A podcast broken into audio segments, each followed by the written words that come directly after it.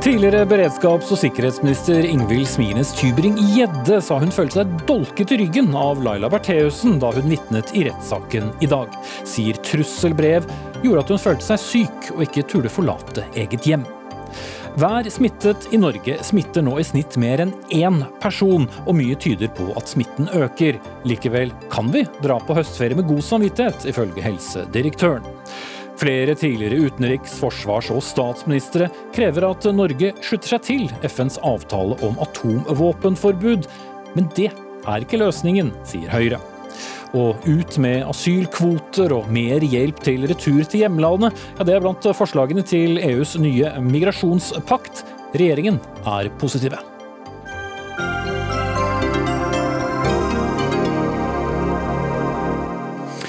Sier vi velkommen til Dagsnytt 18 denne onsdagen med Espen Aas. I denne sendingen skal vi også innom krangelen i Fiskarlaget, der fiskerne i Finnmark og Troms har meldt seg ut og det rød-grønne byrådet i hovedstadens forslag om å øke prisene på parkering med opptil 50% Men så Først og fremst skal vi da til den mye omtalte rettssaken mot Laila Bertheussen, samboeren til tidligere justisminister Tor Mikkel Wara. For i dag så vitnet tidligere samfunns- og beredskapsminister Ingvild Smines Tybring-Gjedde, som sammen med mannen, stortingsrepresentant Christian Tybring-Gjedde, mottok trusselbrev i februar i fjor. Trusselbrev som påtalemyndigheten mener Bertheussen sto bak. Og kommentator i Dagbladet, Martine Aurdal, du følger saken. Ja, Den tidligere statsråden sa hun følte seg dolket i ryggen av Bertheussen. Hvordan begrunnet hun det?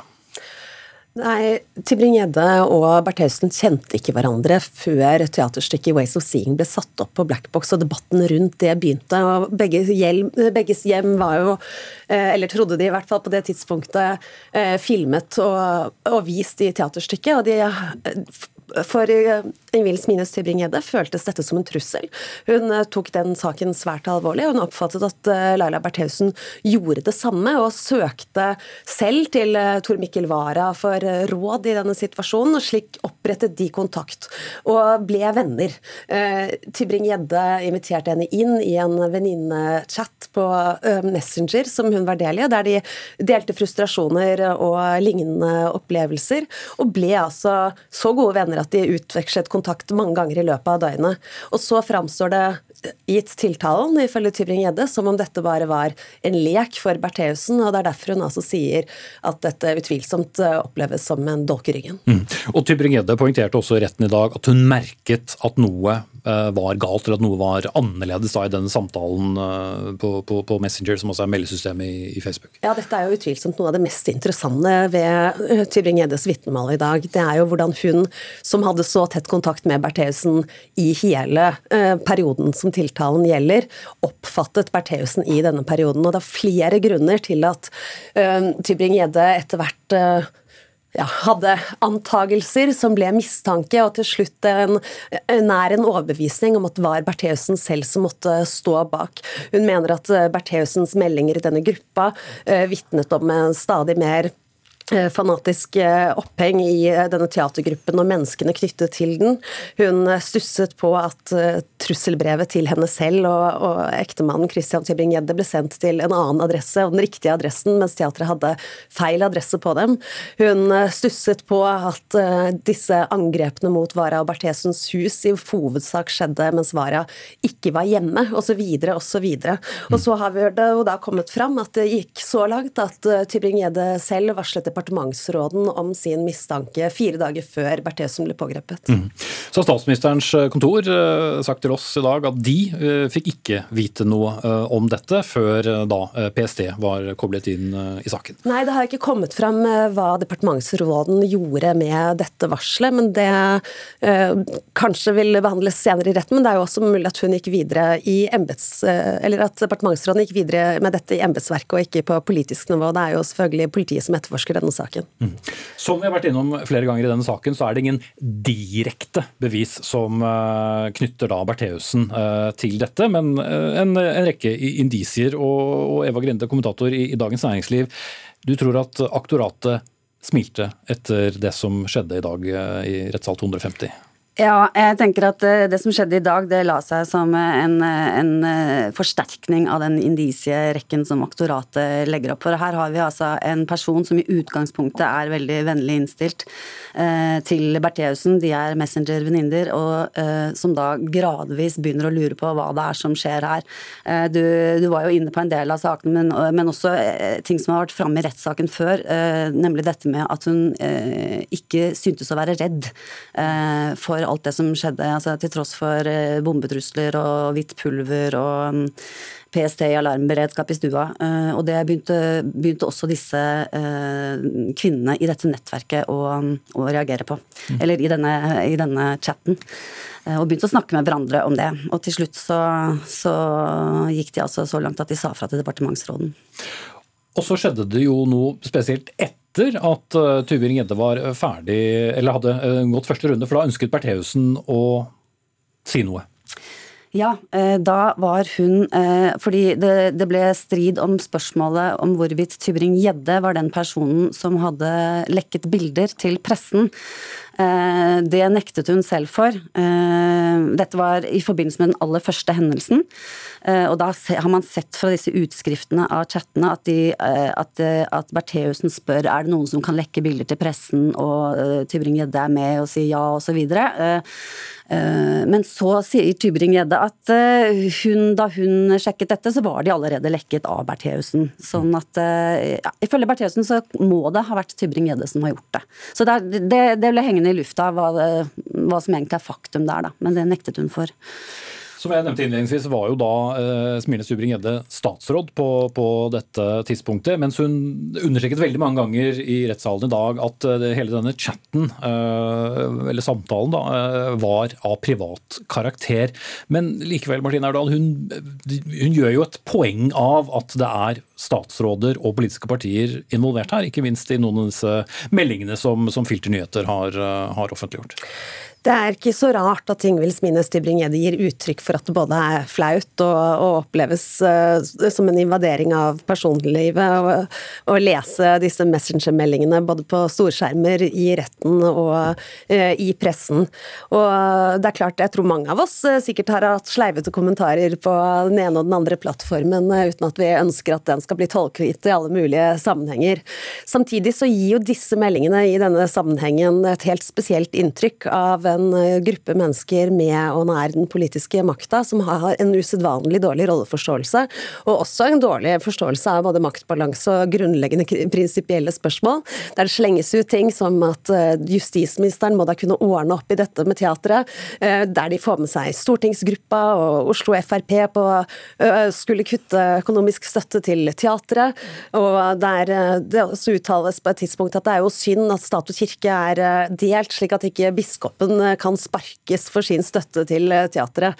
Og eh, både Bertheussen og Tybring-Gjedde beskriver jo dette som i stor grad flåsete utsagn og fleip, men at det framstår spesielt, er det absolutt ingen tvil om. Mm. Og Grunnen til at uh, Tubing-Gjedde, ekteparet, har stått uh, i vitneboksen er jo at de, de mottok jo da uh, trusselbrev. Trusselbrev som, som Tybring-Gjedde understreket uh, gikk veldig innpå henne særlig i dag, eh, Eva Ja, det gjorde det. Og det er også ganske viktig hva hun fortalte om det. fordi at eh, noe av det Bertheussen jo den mest alvorlige tingen hun er tiltalt for, det er jo å påvirke øvre, øverste statspersoner i deres virke. Og her eh, fortalte jo Tybring-Gjedde om f.eks. helt konkret at hun hadde latt være å delta på et, et møte som i egenskap av statsråd fordi fordi hun var redd etter det trusselbrevet. Og, og, andre ting også, at hun begynte å legge seg under bilen på alle fire for å sjekke om det var noe under der. Altså at det påvirket livet hennes. Sånn at det, det kan også være en viktig ting for eh, aktoratet. Men jeg tenker også på det med, som, du, som vi snakket om nå, med det, med det private. Jeg tenker at den, den chattegruppa var nok privat i den forstand at den ikke var ment for offentligheten. Men, men, og den startet mer privat enn en, en det vi får innblikk i, fordi det startet med en slags slags sånn støttegruppe eh, for en eh, politiker som var i en vond skilsmisse. Men, men det betyr jo ikke at den kan få en, en nettverksfunksjon underveis. og Det er jo tydelig at de bruker hverandre, og at de har posisjoner, og at de er i posisjon til å påvirke folk i maktposisjoner. Og På et eh, tidspunkt så sier jo til og med Bertheussen at Vara har snakket med folk høyt oppe i politiet. Det gjaldt eh, henleggelsen av hennes anmeldelse. Og Hvis det stemmer, så er det temmelig alvorlig, for det skal ikke en justisminister gjøre. Men det vet man jo ikke, da. Men det er noe hun sier da, i en chat. Du var inne på at dette var en god dag for aktoratet, men hvordan tok forsvarer Ron Christian Elden, som forsvarer Bertheussen, eh, det som ekteparet Tybring-Gjedde sa? Forsvaret fulgte i dag de samme to hovedsporene som de har gjort i alle sine utspørringer. Det ene er å stille spørsmål ved alle detaljer i aktoratets indisierekke som det kan reise spørsmål ved. Altså Selv om det da tilsynelatende er bevist at uh, Bertheussen var på det samme kjøpesenteret der det ble uh, kjøpt en printer uh, på det samme tidspunktet, så er det ikke endelig bevist gjennom bildet eller digitale spor at det var akkurat hun som kjøpte det den printeren. Eh, og var det egentlig den ene eller den andre datoen Smine som Ines Tybring-Gjedde sa ja eller nei til eh, dette møtet? Den typen spørsmål. Og det andre hovedsporet, det er jo nettopp denne alvorlige straffelovens paragraf 115, om den er riktig lovanvendelse i denne saken. Og det var jo noe av det mest alvorlige for Forsvaret i dag, med Tybring-Gjeddes vitnemål, at hun snakket Bertheussen lukt inn i angrep på demokratiet. Mm. Martine Aurdal fra Dagbladet, Eva Grinde fra Dagens Næringsliv. Takk skal dere ha. Rettssaken den fortsetter.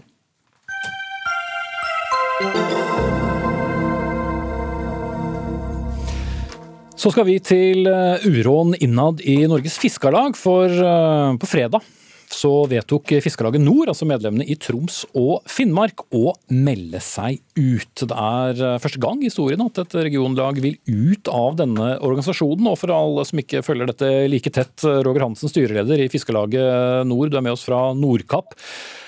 Hva var årsaken til eh, en eh, så å si enstemmig utmelding? La jeg først si at Det er beklagelig at vi er kommet til, det, til valget i årsmøtet Fiskarlaget at vi valgte å melde oss ut. Men årsaken til det er at vi opplever at Norges Fiskarlag ikke tar innspill fra Fiskarlaget Nord og de medlemmene som vi organiserer i Troms og Finnmark eh, godt nok seriøst i, på, i, i, vesentlige saker som omhandler eh, livsgrunnlaget til fiskerne her i, eh, i, Troms og Finnmark. Og, og Vær enda mer konkret hva det faktisk eh, handler om. Ja, det, en, det, handler kort og godt om at driftsgrunnlaget til eh, de her kystfiskerne som er så driftige fra Troms og Finnmark, vi er i ferd med å, med å eh, miste driftsgrunnlaget vårt.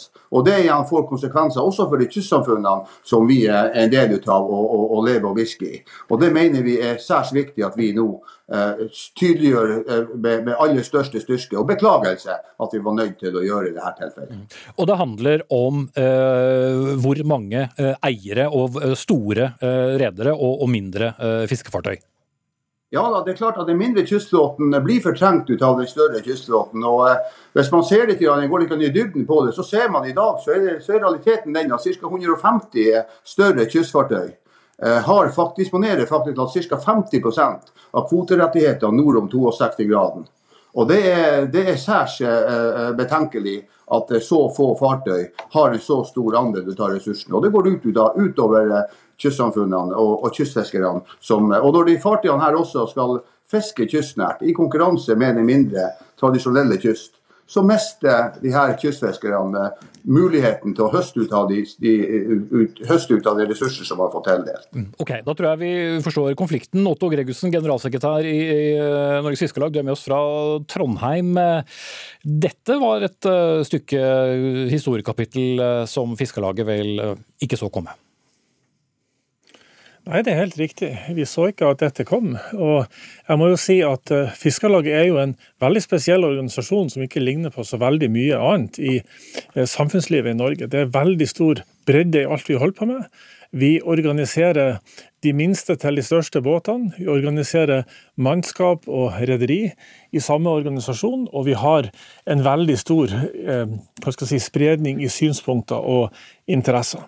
Å holde alt dette sammen er veldig krevende. Og Fiskarlaget som organisasjon har over flere år gått i seg sjøl og se om vi er organisert på en måte som er riktig for alle grupper. Mm. Er, er, det som nå har skjedd, beklager jeg avbryter deg, men er det som nå har skjedd eh, et tegn på at eh, meningsspennet er for stort, og at dere organiserer for ulike medlemmer? Vi har nå klart det siden 1926 og levd med det samme meningsspennet. og Jeg har jo stor tro på at de skal klare å komme oss videre. Men poenget med å nevne denne kompleksiteten er jo at det er, en, det er jo en erkjennelse i organisasjonen at vi er for komplekst organisert, og at vi burde ha gjort dette enklere og styrka de forskjellige organisasjonsledene. Jeg tror det som har skjedd oppe i eh, nord, viser at vi fortsatt har en jobb å gjøre før vi kan si at vi har oppretta en stabilitet i organisasjonen som vi er helt avhengig av. Mm. Men det eh, handler altså om den lille sjarkfiskeren i nord, og så har du den eh, store fryse, havgående frysetrålereieren da, kanskje eh, lenger sør. Har de overhodet noe felles? Utover at de ja, vil ha fiskekvoter? Ja, de, det er jo sånn at de høster på veldig bærekraftig forvalta ressurser. De har også det til felles at de per i dag høster frukten av at vi har i fellesskap bygd opp ressurser, bygd opp markeder og har en næring som fungerer veldig godt. Men det er klart, en, en båt med flere hundre mennesker om bord og en båt med én eller to, det er to vidt forskjellige verdener. Men, men hovedinteressen, det å drive god ressursforvaltning og det å drive en, en fornuftig utvikling av en bærekraftig næring, den har alle sammen. Mm. Roger Hansen i Fiskarlaget Nord, hva, hva gjør dere nå eh, konkret?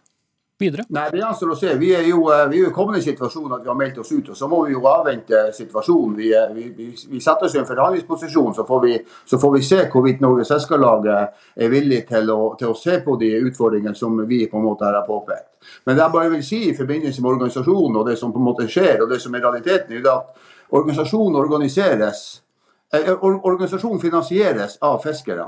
Og eh, når, fisk, når fåtall av fiskere får en stor andel av ressursen, så får de også en stor andel av verdien og av, finans, og, og inntektene. Og Det igjen gjenspeiler seg i organisasjonen. Og Det er derfor vi i nord igjen at vi får, får en svekka økonomi, vi får en vesentlig mindre, eh, mindre utredningskapasitet og, og, mulighet til å være til stede der beslutningen tas, i forhold til rederi og fartøy som sitter med en stor del av ressursen og så reiser rundt og, og, og argumenterer for seg. Mm. Vi som er i båten og, som, som lever ut av det her, har ikke de samme store mulighetene. Og Det tror jeg at både lokale, regionale og nasjonale politikere nå må ta inn over seg og er med på å se der. Dette omhandler faktisk alt om at vi skal klare å opprettholde et mangfold av, av, av fiskeflåte, men også et mangfold og en differensiert kyst og levende kystsamfunn. Det tror jeg er utrolig viktig i denne sammenhengen. Ja. Og Otto Gregussen, Riksrevisjonen i april pekte også på at uh, det var en uh, mer konsentrasjon av makt på få hender.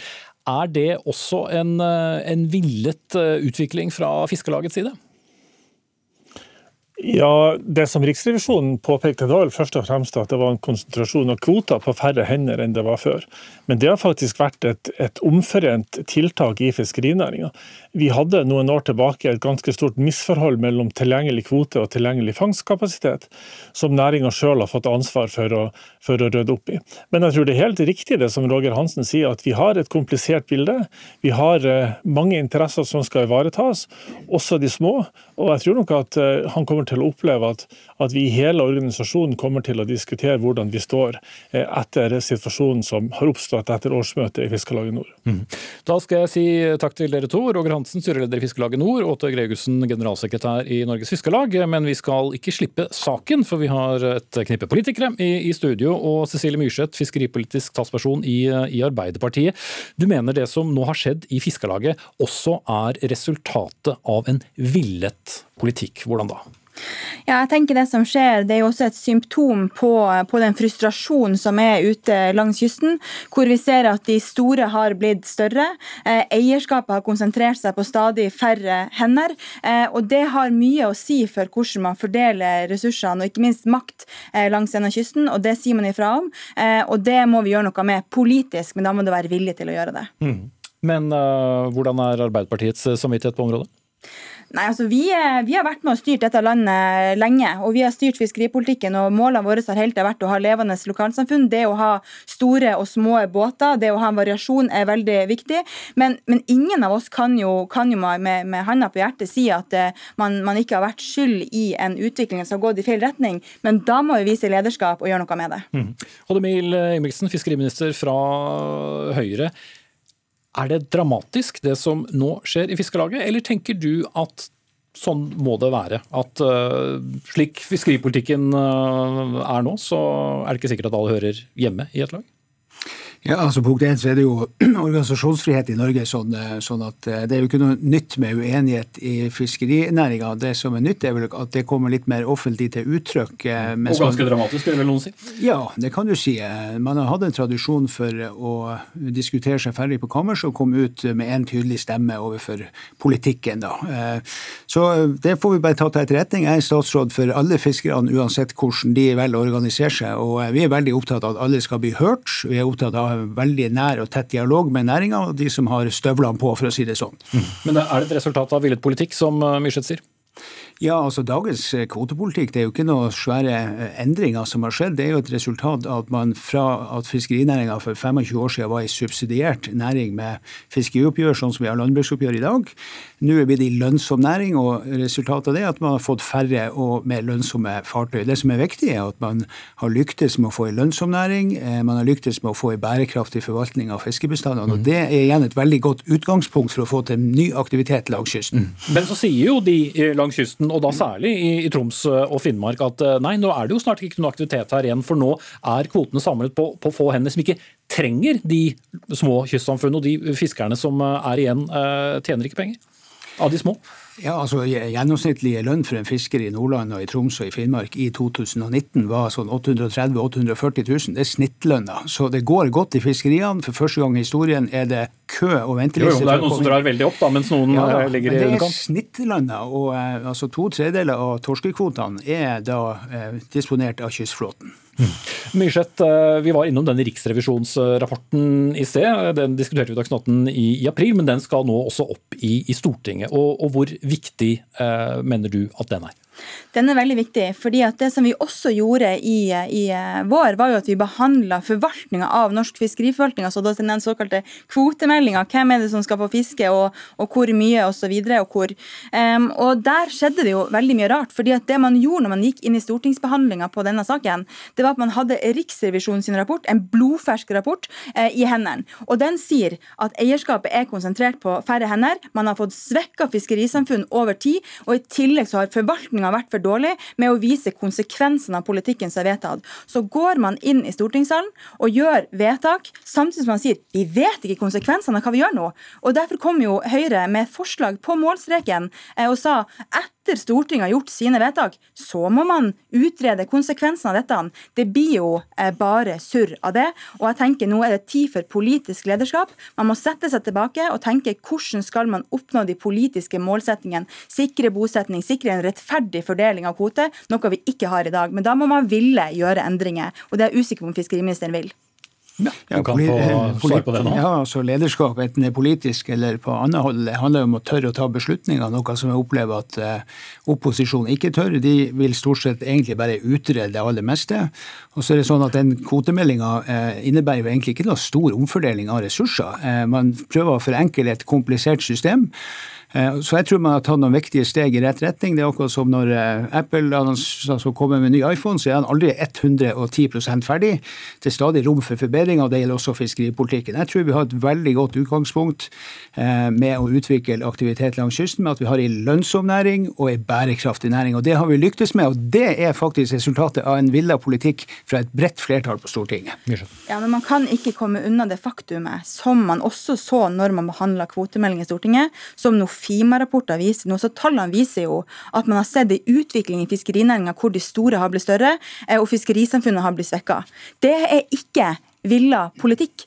Det betyr at skal man gjøre noe med det, så må man ha politikk for å motvirke det. Da må man omfordele på, eh, på de ressursene som man har. Men, det, hva, hva, det betyr det? Skal, det, betyr, det betyr at de, som, de aller minste må få litt mer. Eh, fra de som er aller størst. Det er liksom enkelt forklart. Og jeg vet ingen andre næringer som ville akseptert en så stemoderlig behandling som man fikk i, i vår. Så jeg tenker at fiskeriministeren må i hvert fall si hva man vil. Ønsker man å gjøre noe med den utviklinga? Ønsker man å få til en mer rettferdig fordeling? Ønsker man å utvikle kystsamfunnene i, i en annen retning enn hva man har gjort nå?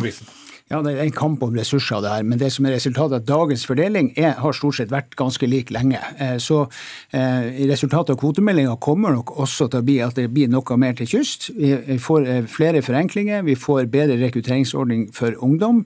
Og jeg tror at Istedenfor å drive og snakke ned næringa og prøve å dramatisere en situasjon, så burde Arbeiderpartiet ha litt mer respekt for verdiskaping av arbeidsplasser langs kysten. Det er en lønnsom næring, det er masse muligheter her. Jo, det er jo fiskere i nord som sier at de dette ikke går. Mange... De melder seg ut av sitt eget forslag? Ja da, eh, De ønsker å ha mer kvote. så er det sånn at Hvis noen skal ha mer kvote, så må noen andre få mindre. Vi ønsker å videreføre ressursfordelinga i all hovedsak sånn som det er. Vi ønsker en differensiert flåte. Eh, egentlig akkurat det samme som Arbeiderpartiet har sagt at de ønsker. Så jeg oppfatter at de er mer som på stemmefiske før valget.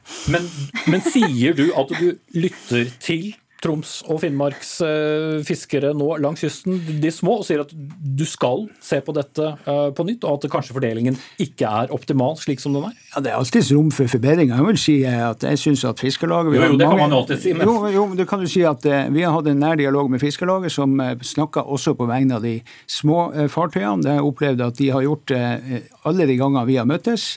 Og så, når de nå velger å organisere seg annerledes, så skal vi selvfølgelig høre på alle. Ja, det har vi også gjort. Er jo nei. Du ønsker ønsker ikke å gjøre noe med den urettferdige eh, fordelinga som har skjedd over tid. Ønsker ikke å være med å styrke kystsamfunnene. Det ønsker Arbeiderpartiet å gjøre, eh, og jeg tror vi trenger en ny kurs. Jeg synes jo det er rart, for det her er eh, kvotefordelinga i dag et resultat av en politikk som Arbeiderpartiet har vært med på ja. i alle år. Og, Men, og storparten av kritikken som jeg måtte stå og svare for, er jo egentlig resultatet av Stoltenberg-regjeringas politikk. Du svarer ikke på, på kritikken. Og, forskjell, forskjell, forskjellen er at vi ønsker å ta grep, ta på ja, Hvem skal dere ta fisken fra? Om jeg, får snakke, om jeg får snakke ferdig. Vi ønsker å gjøre en omfordeling. Det visste vi i forslagene våre i Stortinget. De ble stemt ned av dere, men vi ønsker en annen kurs enn dere. Det er en, det er en ærlig sak. har ikke foreslått noe omfordeling. Dere har foreslått med i Stortinget. mer, og jeg lurer på hvem du skal ta fisken ifra. Da setter jeg eh, strek der, og så skal altså Riksrevisjonens rapport opp for eh, Stortingets kontroll- og konstitusjonskomité om eh, litt over en uke. Takk til Cecilie Myrseth, stortingsrepresentant fra Arbeiderpartiet, og Odd Emil Ingebrigtsen, som er fiskeriminister fra Høyre.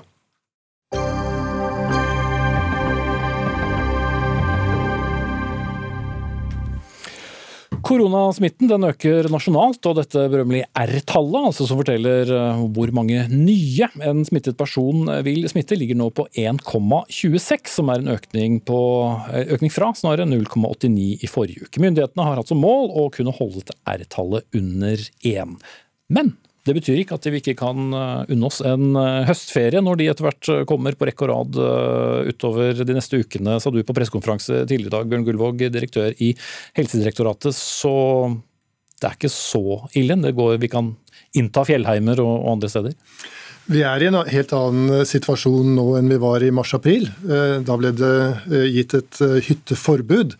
Og eh, Det var fordi det belastet eh, helsetjenesten i de små kommunene hvis det kom mange syke samtidig. Nå er det få syke, og vi har bygget opp en veldig god testkapasitet. sånn at hvis vi nå holder smittevernreglene og ikke eh, trenger oss sammen der det er mange, så kan det bidra til at høstferien gir oss eh, en litt bedre smittesituasjon. Mm, men all bekymringen sist var jo hvis eh, mange blir smittet i, i fjellheimen, og at beredskapen jo uansett ikke er enorm enorm i, i, mange av disse kommunene. Så hvorfor denne troen på at det skal gå bra nå? Ja, selv om vi har en del smitte nå i samfunnet, så er det relativt få som er alvorlig syke. Og dessuten så har vi altså veldig mye bedre systemer for testing og sporing, og bedre oversikt over situasjonen. Og det er det som utgjør hele forskjellen. Men jeg vil understreke samtidig at det er helt avgjørende nå i disse ukene at befolkningen følger de smittevernrådene. Holde én meter, vaske hendene og ikke reise når du er syk. Eh, og holde seg hjemme. For eh, det er på den måten vi bygger det aller beste forsvaret og kan ta ned de utbruddene som vi nå står i. Mm. Dere sier også at dere vil eh, vurdere lokale tiltak, som det heter. Hva, hva, hva betyr det? Ja, Det betyr at eh, det er 260 kommuner i Norge, det, er, det utgjør en veldig stor andel av Kommune-Norge, som ikke har hatt noe smitte i det hele tatt i de siste ukene. Og Så har vi enkelte kommuner som sliter med utbrudd. Og Det er urimelig over tid å, å behandle disse helt likt. Så det Vi sier er, er, eller vi gir råd da, til regjeringen om at hvis man nå skal åpne som f.eks. breddeidretten for lokal trening, så vil det være naturlig å kunne åpne i de bo- og arbeidsregionene, i de kommunene der hvor man over tid ikke har hatt noe smitte. Mens der hvor man har utbrudd som pågår, altså f.eks. i Bergens- og Oslo-regionen, så må man holde tilbake og ikke åpne. Så jeg tror at det er nødvendig i tiden fremover med en mer differensiert tilnærming, avhengig av de lokale forholdene. Det kan også virke som en liten gulrot for lokalsamfunnet, som da vil vite at hvis man lykkes med å ta ned smitten, så kan man også eh, lykkes med å åpne opp større deler av aktivitetene. Men burde det da kunne åpnes for eh, lokale regler som eh, ikke reis til Bergen, ikke reis til Oslo, ikke reis til Indre Østfold hvis smitten fortsetter å være høy i, i, disse regionene? Altså Hvis man ikke klarer å ta ned utbruddene, så kan det komme inn som elementer. Vi er et stykke unna der nå. Nå har Bergen, eh, i tillegg til veldig mange andre av de utbruddsområdene tidligere, vist at eh, de har en rimelig god kontroll, og vi venter nå på Oslo. Det er i grunnen en viktig milepæl at Oslo nå klarer å ta ned eh, smitten. Hvis vi får den erfaringen fra stadig nye utbrudd, så er jo det et veldig godt budskap at det er mulig å få kontroll etter at smitten har blusset opp lokalt. Mm.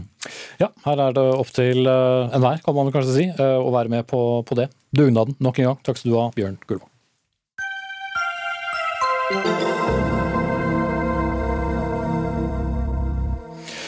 Mot uh, slutten av uh, sendingen skal vi diskutere hvorfor det rød-grønne byrådet i hovedstaden mener det er riktig å øke parkering opp mot 50% Men nå skal vi diskutere et uh, langt større og ikke minst internasjonalt problem, eller debatt snarere.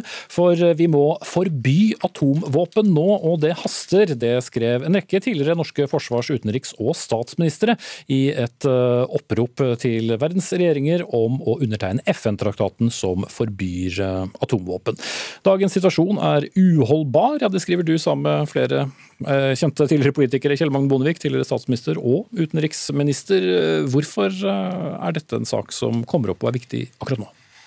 Fordi vi ser det går den gale veien når det gjelder atomnedrustning. Og altså det blir mer opprustning.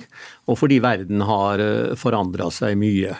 Faktisk også siden jeg var aktiv politiker. Eh, USA truk, og Russland har trukket seg fra avtalen eh, om mellomdistanseraketter. USA har trukket seg, og det var så sent som i fjor. USA har trukket seg fra atomavtalen med Iran, som etter mitt syn øker mulighetene for at det landet også får hånd om atomvåpen. I tillegg til de fem såkalte anerkjente atommaktene, så er det fire andre land som nå sitter med atomvåpen. Eh, det blir farligere og farligere, og derfor må vi nå tenke litt nytt. Eh, Men Har det noe å si om Norge undertegner Ja, det har det faktisk. Fordi at vi er For det første mangler det nå bare seks land som, til å ratifisere den avtalen, så trer den i kraft. Og det er jo langt flere enn disse landene som har stemt for dette i FN, men de har ikke ratifisert den ennå. For det andre så er jo vi på en måte under NATOs, paraply, eh, NATOs atomparaply. Altså, Vi vil jo ikke ha atomvåpen på norsk jord i fredstid, det er det brei politisk enighet om. Mm. Men vi er på en annen side villige til å la oss forsvare med atomvåpen fra andre Nato-land. Etter mitt syn så er jo dette egentlig en motsetning. og jeg tror vi må tenke igjennom vil vi virkelig la oss forsvare av atomvåpen. Det vil kunne utløse en katastrofe som gjør det slutt, både for oss og for mange andre, slik disse våpnene er. Mm. Mikael Tetzschner, stortingsrepresentant fra, fra, Høyre. Vi, det er ikke så lenge siden vi, vi diskuterte nettopp dette i studio. Da, da, var du med, og da som nå er du enig at Norge bør slutte seg til denne forbudstraktaten. Hvor er det Bondevik og, og mange tidligere statsråder med ansvar for både forsvar og utenriks eh, da tar feil med å mene at vi skal undertegne dette forholdet? Ja, nå må vi jo minne om at dagens utenriksledelse, også dagens regjering, med deltakere fra eh, Kjell Magnes partifeller, støtter opp om det som er det store og brede flertallet i Stortinget. Hvor, hvor, også Arbeiderpartiet inngår. og Det er jo nettopp fordi man ser at denne FN-traktaten eh, ikke inneholder et forbud fordi forbudet vil altså rette seg mot atommakter som ikke er rettslig forpliktet hvis de ikke slutter seg til. Og det er ingen av atommaktene, verken de fem gamle, som man kan si har en folkerettslig status for å ha dem, eller de fire uh, andre som har fått dem. Skal vi bare ta de raskt, den eh, rekken med, med land? Altså USA, Storbritannia, Frankrike? Ja, og så har vi Nord-Korea. Vi har Kina, vi har Pakistan, vi har Israel, vi har India. Mm. Um, og... så, så, så, så, du mener Bondevik uh, tar feil når han sier at det, det er viktig for oss å undertegne det, for det vil ikke ha noe å si for de landene, for de vil ikke gjøre noe med sine atomvåpen? Ja, og jeg skjønner, jeg skjønner veldig godt idealismen uh, som, som, man alltid skal uh, lytte til. Men man må også uh, ta utgangspunkt i hva realiteten er. Og da vil jeg faktisk si at denne illusjonen av å ha et forbud, den er verre enn å ikke ha en traktat. For det betyr jo bare at man oppfordrer de land som vil etterkomme Kjell Magnes og andre gode eh, viljers representanter til, til å avskaffe våpenet. Mm. Og så vil man også gi et monopol til de som kanskje har andre planer, og som ikke vil gi mm. fra seg sine. Og, ja. Ja, det er vi fullstendig klar over hva det er et bredt flertall for i Stortinget, og hva uh, regjeringa har gått inn for. og Det var vel en votering så sent som i fjor. Men det hindrer jo ikke folk å tenke nytt. Mm. Men hvis ikke det får noe å si, som Tetzschner sier? Ja, det tror jeg. Uh, ellers hadde jeg ikke gått inn for dette. Uh, og vi som har altså vi som altså undertegna dette fra Norge, vi er to tidligere statsministre, flere tidligere utenriksministre, flere, to, flere tidligere forsvarsministre. Vi er ikke noe naive idealister. Vi vet faktisk en del om hva vi snakker om. Uh, vi har sittet med dette ansvaret sjøl. Og vi løper ikke fra de holdningene nå. Men vi står friere til å reise en ny debatt etter hvert som verden endrer seg. Vi kan ikke henge igjen i det som var riktig for noen år tilbake. Og så sier Mikael her at atommaktene slutter seg ikke til altså Det er jo det vi skal jobbe for at de skal gjøre. Eh, og det, det kommer Kina til å heve mange øyenbryn om vi uh, Ja, men altså, vi kan ikke bare gi opp på forhånd og si at dette nytter ikke. Uh, for Vi står i Nato. Vi skal selvsagt konfrontere atommaktene i Nato med dette. USA må konfrontere Russland og Kina. India og Pakistan må forhandle om dette. Israel og kanskje Iran. Det er jo forutsette forhandlingsprosesser. Men jeg må jo spørre Mikael, når du argumenterer på den måten du gjør, er du også mot FNs sikkerhetsråd vedtak om å arbeide for en verden helt fri for atomvåpen? Ja, men Det er jo en politisk erklæring. Spørsmålet er hva du gjør på realitetsplanet. Og det som er, ja, spør, er du imot det vedtaket? Nei, nei, altså jeg er ikke imot uh, vakre formuleringer. Men det jeg er veldig opptatt av Det var mer enn det, da. Nei, men det er jo ikke mer enn Jo, det er mer enn det. Men jeg skal komme tilbake til det. Jeg trodde jeg hadde ordet. Ja, skal komme tilbake til det. Har jeg ordet? Kjør på, ikke bruk tid på å vente. Bare ta det, du har det jo. Takk. Mange takk. Eh, poenget er jo nettopp at eh, når man ikke, og slik jeg leser dere, så har ikke dere knyttet noen eh, betingelse om at alle skal gi fra seg sine atomvåpen på likt før man har et forbud. Et forbud kan ikke håndheves overfor en atommakt som ikke vil gi fra seg sine egne atomvåpen. Det andre, som jeg syns dere er litt nesten på kanten av det, det reale når dere skriver, det er at, at dette er forenlig med Nato. Eh, I det hele tatt så forutsetter en oppgivelse av atomvåpen ensidig en, et helt annet eh, Nato enn det vi har. For vi nettopp har vært inn under Natos potensielle atomparaply. Så det ville også gitt oss et annet forsvar, for da måtte vi altså fraskrive oss muligheten til å bli forsvart av uh, land som har kjernefysiske våpen. Det er det som ligger i avtalen du er så veldig for. Og Dermed så ville Norge altså måttet stå alene, fordi vi ikke lenger ville la oss forsvare så dette er bare drømmerier? Det å tro på en atomfri verden, det, det er ikke vits engang å, å prøve? Og det er bare en egen idealister? Jeg, jeg vil ikke karakterisere det som drømmerier, men dette er i hvert fall en blindvei å skrive under på en traktat som ikke forplikter de som har atomvåpen. Og Hvis Kjell Magne skulle finne på å f.eks. ville ha en lov for tannleger, så skulle den altså da gjelde alle, bortsett fra tannleger. Ok, det, det skjønner jeg ikke. Men Dette vet du, Mikael, er en karikatur. Uh, dette er en karikatur. Ja, fortell meg hvorfor de ikke har det. ordet? Var det ikke det ja, nei, nå må vi holde på dette. Nå får du her. Ja, nei, det var en spøk tilbake. Ja, ja. Uh, altså, Mikael prøver jo å snakke ned det FNs sikkerhetsråd har, har vedtatt. Og sier at det er bare fine formuleringer. Det er norsk politikk. Din egen utenriksminister og din egen regjering har støtta dette, og det gjentar utenriksministeren senest i Aftenposten i dag. Og hun bruker ikke sånne karakteristikker om dette. Det regner. Det andre er at selvsagt skal alle nåværende atommakter kvitte seg med atomvåpnene. Eh, det er jo ikke i strid med denne traktaten om Vi sier ikke noe annet. Og Så snakker du om ensidig nedrustning. Hvem er det som går inn for det? Vi går ikke inn for det. Eh, tvert imot så har vi klart sagt at det skal være balansert nedrustning. Den skal være verifiserbar, og der vil jo for øvrig gi honnør til den norske regjering, som leder et arbeid i FN når det gjelder verifisering. Det virker som Michael tror at dette er noe sånn urealistisk luftslott, men i tillegg til oss seks, da, statsminister, utenriksminister og forsvarsminister fra Norge, tidligere. Hvis ikke Michael tror noe særlig på oss, så er det faktisk to tidligere generalsekretærer i Nato av alt som har skrevet under på dette. De vet jo bedre enn noen av oss to hva dette dreier seg om. Men det har jo vært nedrusting i verden før, Michael ja, og, vi skal noen eh, ja, og det, det kommer vi over til nå. fordi vi har allerede noe som heter uh, ikkespredningsavtalen, som, som disse forfatterne av artiklene også ser litt ned på. Og det er riktig, det går langsomt. Men de har i hvert fall utarbeidet standarder som er bedre enn denne uh, FN-traktaten som ligger nå. Og Det er derfor Sverige og Finland ikke slutter seg til. Fordi de ser at det er NPT, altså ikkespredningsavtalen, som hindrer det som er det viktigste nå, nemlig at nye land får tak i atomvåpen, land som ikke har hatt det før. Ja, Bondevik, det virker ja, som det er mye Vi ser overhodet ikke ned på ikkespredningsavtalen. Jeg lurer på hvor du har det ifra. Og det er ikke noe strid heller mellom denne traktaten og ikkespredningsavtalen. Tvert imot. De, de jobber sammen mot, mot samme mål.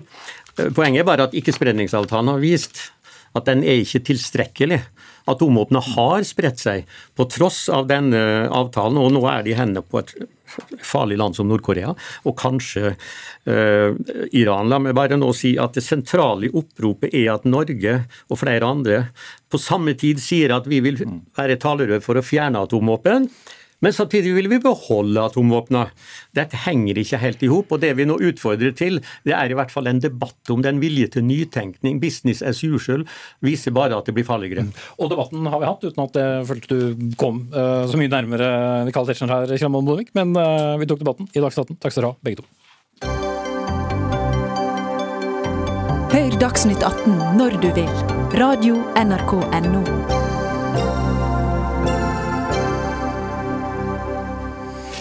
Så skal vi snakke om EUs eh, migrasjonspakt. EU-land kan bidra med returer i stedet for å ta imot asylsøkere under press, er et forslag fra EU-kommisjonen da de altså la frem den nye migrasjonspakten. Brannene i Moria-leiren på Lesbos skapte som kjent ny oppmerksomhet rundt migranter og asylsøkere som kommer inn i EU, og den varslede pakten den ble fremskyndet med en uke. Og vår korrespondent i Brussel, Simen Ekern, hvis vi skal prøve et, et, slags sammendrag, hva er hovedpunktene i, i denne nye migrasjonspolitikken? Det er tre pilarer på et vis. En, eh, den første pilaren handler om eh, bedre og mer effektivt samarbeid med landene eh, migranter og flyktninger kommer fra eller reiser gjennom. Så er det strengere grensekontroll og raskere og mer effektiv behandling av asylsøknader. Og til sist så er det da dette punktet som man nok fortsatt kommer til å diskutere, men som handler om byrdefordeling innad i EU. Og der er det, som du nevnte, ikke lenger sånn at kommisjonen foreslår eh, kvoter av eh, migranter eller flyktninger som skal plasseres i de forskjellige medlemslandene. Det blir mulig å bidra på en annen måte også, økonomisk, logistisk. F.eks. ved å ta ansvaret for å sende mennesker som har fått avslag på søknaden, tilbake. Ingen lett oppgave, og helt sikkert noe de eh, landene kommer til å fortsette å diskutere når dette forslaget skal ses på. Mm. Og så er det jo store forskjeller både ut fra hvor land ligger geografisk, og, og hvor mye de da merker til eh, både migranter, asylsøkere og andre som kommer inn i Europa. Simen Ekern. Så hvordan er reaksjonene på dette forslaget, for de må jo prøve å bli enige seg imellom til slutt? I utgangspunktet så er jo landene i sør positive til eh, en sånn eh, total eh, nytenkning av dette systemet. Nettopp fordi Dublin-systemet, som, som, det heter. Det som har vært til nå, jo i altfor stor grad mener Hellas eller Italia har, har, belastet deres systemer. Nå er det jo ikke lenger sånn i den nye pakten at man må søke om asyl i det landet man ender opp i først. Det blir også mekanismer her som gjør det mulig eh, å se for seg at man kan søke i et annet land hvis man har eh, forbindelser eh, eller familie i et annet land f.eks. Så den biten av urettferdigheten, sånn som søreuropeiske land ser det, eh, forsvinner. Men det er jo nettopp denne fordelingen av mennesker. Da. Hvem skal uh, ha dem uh, hos seg? Hvem skal sørge for at disse menneskene som vil til Europa, skal få lov til å være i Europa? Og hvor skal de bo? Det er jo en floke som fortsatt ikke er løst, selv om kommisjonen da med dette forslaget til en annen form for solidaritet og felles ansvar, som EU-kommisjonens president sa i dag, gjør at man kanskje har et håp om å få med land som Ungarn eller Østerrike, som konsekvent har satt seg på bakbeina hver gang det har blitt snakk om eh, kvoter av flyktninger som skal fordeles til andre EU-land. Mm. Takk skal du ha, Simen Ekern. Vi oss direkte fra Brussel. Hilde Barstad, statssekretær i Justis- og beredskapsdepartementet. Du sa til NTB tidligere i dag at eh, du i utgangspunktet er positiv til denne migrasjonspakten. Så vi skal prøve å være konkrete. Hvordan eh, vil det være annerledes for Norge med dette forslaget enn slik ting er i dag? Eh, det er iallfall på det rene at eh, sånn som systemet fungerer i dag, så er ikke det godt nok. og Derfor har vi jo etterlyst og ønsket velkommen en nye felles regler på, på dette området. Så hva blir annerledes? Eh, nei, Det er jo litt vanskelig for å, å gå gjennom alle element i det. Nå syns jeg Eken ga en god beskrivelse av dette. Det som er med Dublin-forordningen som gjelder i dag, det er at du skal søke i første land og blir du, hvis du da flytter på deg, så skal du sendes tilbake igjen til eh, det første landet du kom til. Det er jo en mekanisme som ikke fungerer så veldig godt eh, i dag. Eh, så det betyr jo at vi har utfordringer knytta til systemet sånn som det er nå. Og vi ser jo òg sånn som det store trykket som har vært på Hellas og Italia, med behov for adhoc-løsninger gjennom Vi har prøvd mange ganger.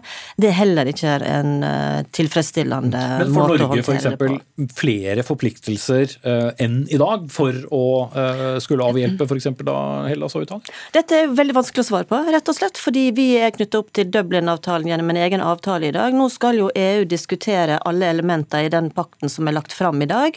Og så har jeg forstått det sånn at Dublin-regelverket skal da erstattes av dette. Og da må jo vi finne andre måter å ha en tilknytning til dette regelverket på. Så det er litt for vanskelig å si noe særlig om akkurat nå. Anna-Gritt Austenå, generalsekretær i NOAS, altså Norsk organisasjon for asylsøkere. Hva klarer du å lese ut av eh, forslaget fra EU? Nei, Foreløpig så syns jeg det ser ut som en papirtier. Eh, veldig uklart hvordan de skal få dette til. For de landene som ikke vil ta kvoter, de driver jo også i veldig liten grad med retur i dag. Så hvordan de skal ha noe verken interesse for eller noe spesielle kunnskaper om eller forbindelser som gjør at de skal kunne lett At Ungarn f.eks. skal drive og returnere eh, søkere på vegne av Hellas. Det er også veldig uklart hvordan man skal ha hurtigprosedyre på utsiden av EUs yttergrense. Skal det skje da på skip, i sjøen? Skal det skje i Tyrkia? Eh, altså, hvor, hvor, skal dette skje? Skal det skje i Marokko? På utsiden av disse spanske enklavene der. Eh, så dette er merkelig. Men i forhold til Norge så er det jo interessant da at eh, det som eh, ble vist til her, om at man kan søke i andre land enn der man først kom, hvis man har forbindelser, det gjelder jo i Dublin-avtalen i dag. Eh, når vi ser på statistikk fra det greske asylverket, så viser jo det at hoveddelen av de grekerne prøver å returnere til andre EU-land gjennom Dublin-systemet. Det gjør de på bakgrunn av at nettopp at de har den type kontakter, de har nettverk, de har familie der. Eh, mens Norge, som faktisk er det landet som mest effektivt i forhold til antall asylsøkere til oss, rett prøver å returnere til Hellas, altså 10% av asylsøkerne som har kommet til Norge i perioden 2017 til 2019, har vært forsøkt returnert til Hellas. Langt flere enn de 50 som vi nå snakker om å ta tilbake. Mens Tyskland, Belgia og Sverige returnerer mellom halvannen og 3 mm. Så Norge kan få langt flere med det systemet som er nå. Mm, som kommer nå. Er du enig i tolkningen? Eh, jeg er jo enig i at Dublin-systemet sånn som det er nå, ikke fungerer. Og vi har jo prøvd å følge opp våre forpliktelser der. Eh, men det er ikke vi, en forpliktelse til å returnere. Men hvis jeg kan fullføre, ja, ja. så er det jo sånn at vi eh, har realitetsbehandla nesten alle de søknadene. Så i, i realiteten så er jo de personene i Norge. Det som er veldig ambisiøst i dette forslaget, det er jo at det skal være veldig rask screening av de som kommer hit med mm. veldig rask retur. Et mye mer effektivt eh, system, sånn at de som ikke skal få opphold, skal heller ikke oppholde seg. Ja, eh, og hvis de får det til å fungere, så er det veldig bra. For det at det er asylsøkere i Europa som ikke har behov for beskyttelse, er her veldig lenge, er jo ikke bra. Det er med å uthule asylinstituttet, og det går ut fra å bli enige om. Mm. For det betyr at de som har behov for beskyttelse, kanskje ikke når fram eh, så godt og så raskt som de ellers eh, burde ha fått. Mm. Men det er veldig ambisiøse ting de legger opp til her, så det gjenstår jo å se om de faktisk klarer å gjennomføre det. Mm. Ja. ja. det er det store spørsmålet, for alle landene må jo til slutt bli, bli enige. Og som du pekte mm. på, så er det stor forskjell på å være Ungarn og være Hellas, og for den mm. saks skyld Finland. Mm som hva Men behovet for endringer er vel likevel veldig til stede? Ja, men hvis du skal få noen som absolutt ikke vil noe, til å gjøre det de ikke vil, så må de enten ha noen skikkelige gulrøtter, eller så må de ha noen pressmidler. Og her ser jeg ingen av delene. Så jeg, dessverre, jeg tror ikke dette kommer til å fungere. Og jeg må bare si at jeg mener at du og regjeringen driver med tilslørende ordbruk når dere sier at dere realitetsbehandler. Ja, det gjør dere etter at dere først har forsøkt å returnere til Hellas. Nærmere 900 stykker. Ok, vi tar ikke en eh, debatt nå i dag, i hvert fall, om, eh, om nåværende systemet. Vi forsøker å gjøre oss eh, kloke på det som kommer, men det gjenstår altså en langsom behandling av dette i EU. Så får vi se rett og slett hva det kommer til å bety for Norges del. Så sier jeg takk til dere. Hilde Barstad, statssekretær fra Høyre, og Anne Margrethe Austenaa, generalsekretær i NOAS.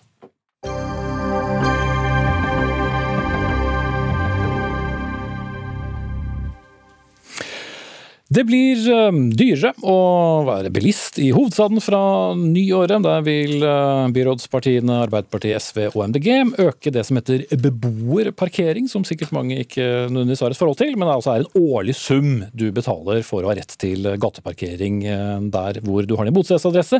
Den skal øke med 50% fra 3600 til 5400, mens vanlige kommunale parkeringsavgifter øker med 20% fra 32 til 40 kroner timen. I tillegg så foreslår partiene også det som heter fossilbilfrie du verden hvor mange konsonanter, soner i Oslo. Altså at diesel- og bensinbiler ikke skal kunne kjøre der. Og Theodor Bru, du er leder av bydelsutvalget Gamle Oslo fra Miljøpartiet De Grønne. Er det god fordelingspolitikk å øke parkeringsutgifter med 50% det er veldig god sosialpolitikk å sørge for at vi får ned klimagassutslippene, sånn at vi fikser klimakrisa. For at vi står ikke bare i en koronakrise, vi står i en klimakrise. Og vi gjør alt vi kan fra byrådssida i Oslo på å eh, gjøre Oslo til verdens første nullutslippsby. Og når da over halvparten av utslippene våre kommer fra trafikken, så sier det seg selv at vi må gjøre noen kraftige grep der for å få utslippene ned. Mm. Vi har som kjent gjort ganske mye eh, i bilpolitikken i Oslo gjennom de siste årene, men det holder ikke. Utslippene har ikke gått fort nok ned. Og derfor kommer vi med nye innstramninger nå. Men tanken er da å, å, å, få folk til å tenke at nei, nå er det faktisk for dyrt å, å ha bil. Så i hvert fall å ha bensin- og dieselbil. Så mm, at, det, det, er det som er hovedplanen. Ja, Vi vet at eh, det store flertallet bruker eh, kollektivtransport, eh, sykkel og gange når de kommer seg rundt i Oslo. Så det å tilrettelegge for at de kan komme seg rundt på en best mulig måte, det er eh, god bypolitikk, god sosialpolitikk og god klimapolitikk. Men dere setter da, ikke ned prisene på kollektivtransporten uh, samtidig. Er det da ikke pisk og gulrot, bare pisk? Vi bruker 70-80 millioner kroner på å ikke øke prisene. Høyre vil jo øke prisene i kollektivtransporten gjennom Oslopakke 3-samarbeidet. Vi får uh, forhindret det. Det koster også en del penger, men det viktigste er at vi Eh, sørger for eh, kapasitetsøkninger på kollektivtransporten. Vi bygger masse okay. ny sykkelvei, og vi gjør det lettere nå å kjøre elbil, bl.a. disse forslagene. Mm. Men i sum så, så, så, øker dere altså eh, priser og avgifter. Øystein Sundelin, gruppeleder for, for, Høyre i Oslo. Du kommer rett fra møtet hvor dette budsjettforslaget er lagt frem. Dere skal stemme imot. Hvorfor det? Jeg trodde Oslo-folk ville ha bilfritt sentrum? Ja, men De skal få mer bilfri by i årene som kommer. Men Oslo har en lang historie med under Høyres ledelse, hvor vi sikret for å bygge ut T-banen kraftig, ruste opp T-banen, flere avganger på trikkene, eh, langt flere bussavganger. Alt var preget av gulrot. Og så har vi hatt noen år hvor alt har vært veldig mye mer preget av pisk. Du kan kanskje av og til leve med at det må være litt pisk. Litt dyrere i bomringen, litt dyrere å parkere. Men gulrot viste seg å fungere. I år etter år inn mot 2015 så hadde vi nedgang i klimagassutslippene i Oslo. Nå har vi, siden det rød-grønne byrådet med MDG tok over, sett økning i klimagassutslippene i Oslo. Og det er til og med flere biler i Oslo i løpet av disse årene. Så mitt poeng Men og mitt hovedmål er det jo til, da. Burde du være enig i det, da? men, men da kommer neste spørsmål. Gjør vi det bare vanskeligere for folk? Ender vi opp med at de som må ha bil i hverdagen, fordi de skal besøke noen, fordi de skal kjøre unger til trening, fordi de skal på hytta, eller fordi de trenger den i jobbsammenheng, bare får det dyrere og dyrere? For dette straffer jo ikke de som har garasje på egen tomt. Dette straffer jo de som er nødt til å parkere ute i gaten, som nå må parkere, betale tusenvis av kroner i løpet av et år for å ha Men må man egentlig parkere og kjøre bil i Oslo sentrum, da, som har den beste kollektivtransporten Noen i hele hele det. landet? Kanskje vi kommer et eller annet tidspunkt dit at eh, nesten ingen lenger trenger bil, og du kan ha bildelingsordninger. Men enn så lenge så er det veldig mange som helt frivillig velger der. For det er ikke akkurat en god investering å kjøpe bil. Det er dyre greier, og det blir da dyrere for hvert år som går i Oslo. Men kanskje er det slik at det er mange som trenger bilen sin i hverdagen, og da blir dette en veldig tøff ekstraskatt og avgift for mange mennesker i Oslo. Bru. Vi trenger ikke bil, de som bor i en storby som Oslo. Nei, mange er fortsatt avhengig av bil i Oslo, absolutt. Eh, håndverkere, folk med funksjonsnedsettelser, en del eldre, ikke sant? taxisjåfører. Mange som er avhengig av bilen for å få livet sitt til å gå rundt. Men, Men de får bare men ikke sant? det som være med på dugnaden. hvis, hvis vi får flere biler vekk fra veiene og får ned, eh, ja, får ned trafikken, så vil jo det også eh, ikke bare gagne syklistene, som ikke får flere biler i veien for seg. Det vil ikke bare gagne busspassasjerene, som slipper å stå i kø og stampe. Men det gagner også de få bilistene som faktisk er avhengig av å bruke veiene på den måten. Og det, som er litt greia her, er at øh, ja, vi skal bruke gulrot så, så mye vi kan. Vi bruker gulrot med å utvide kapasiteten på kollektivtransporten, som sagt. På å bygge Vi planlegger 25 km ny sykkelvei øh, neste år. Og, men Tror du mange jublet for de 2,5 milene hvis eh, de samtidig som eier bil må da øke det med 50% eller utgiftene på det? Vi ser at sykkelandelen går veldig fort opp i Oslo. Eh, mange prosents økning nå, eh, nå i år. Og det er bare smart byutvikling å sørge for at få flere over på gange, sykkel og kollektivsport, For det bruker arealet mer effektivt. Det frigjør areal til menneskevennlig byliv og til at man kommer seg rundt på en mer klimavennlig måte. Men hva, hva var din gulrot eh, da, Sundin? Vil du gjøre det billigere å ta kollektivtransport, eh, sånn at folk eh, da vil tenke at de ikke trenger bil? Ja, Vi har tatt initiativet til å f.eks. få på plass et annet månedskort som du ikke bruker i rushtiden, men så gjør det rimeligere hvis du bruker det når det er mye ledig kapasitet. Og nå ser vi jo i løpet av koronatiden med mange, hvor mange har hjemmekontor, at du kanskje kan bruke transporten i byen på andre tidspunkter. Det er et eksempel på gulrot, og det, det var det som var historiefortellingen min innledningsvis også. Alle de tingene vi gjorde med T-banen og trikk i Oslo som gjorde at biltrafikken gikk ned år for år, og utslippene gikk ned år for år. Og så ser man at man da fikk et regimeskifte som gikk fra gulrot til pisk i 2015, og det har ført til at utslippene går opp i Oslo. Det er litt Men, skremmende. men, men hvor vondt gjør en pisk som betyr åtte kroner mer i, timen? Er det noen som vil merke det? Vet du hva, Jeg tror vi skal ha ganske stor respekt og forståelse for at eh, en del mennesker i denne byen trenger bilen sin i hverdagen for å få hverdagen til å gå opp. Og at de er nødt til å ha den. Og det at vi da lemper flere og flere kostnader over på dem, er sosialt urettferdig for veldig mange mennesker i denne byen. Da fikk eh, han siste ord. Jeg er sikker på at du ville sagt noe mer der, Theodor Bru. Takk til deg og Øystein Sunderin, men vi er, eh, vi er ved veis ende, vi, som eh, det er å være siste ute i denne sendingen. Det var eh, Dag Dørum som hadde ansvaret for innholdet i eh, denne sendingen. Hilde Tosterud tok seg av det tekniske. Jeg heter Espen Aas. Vi ses i morgen.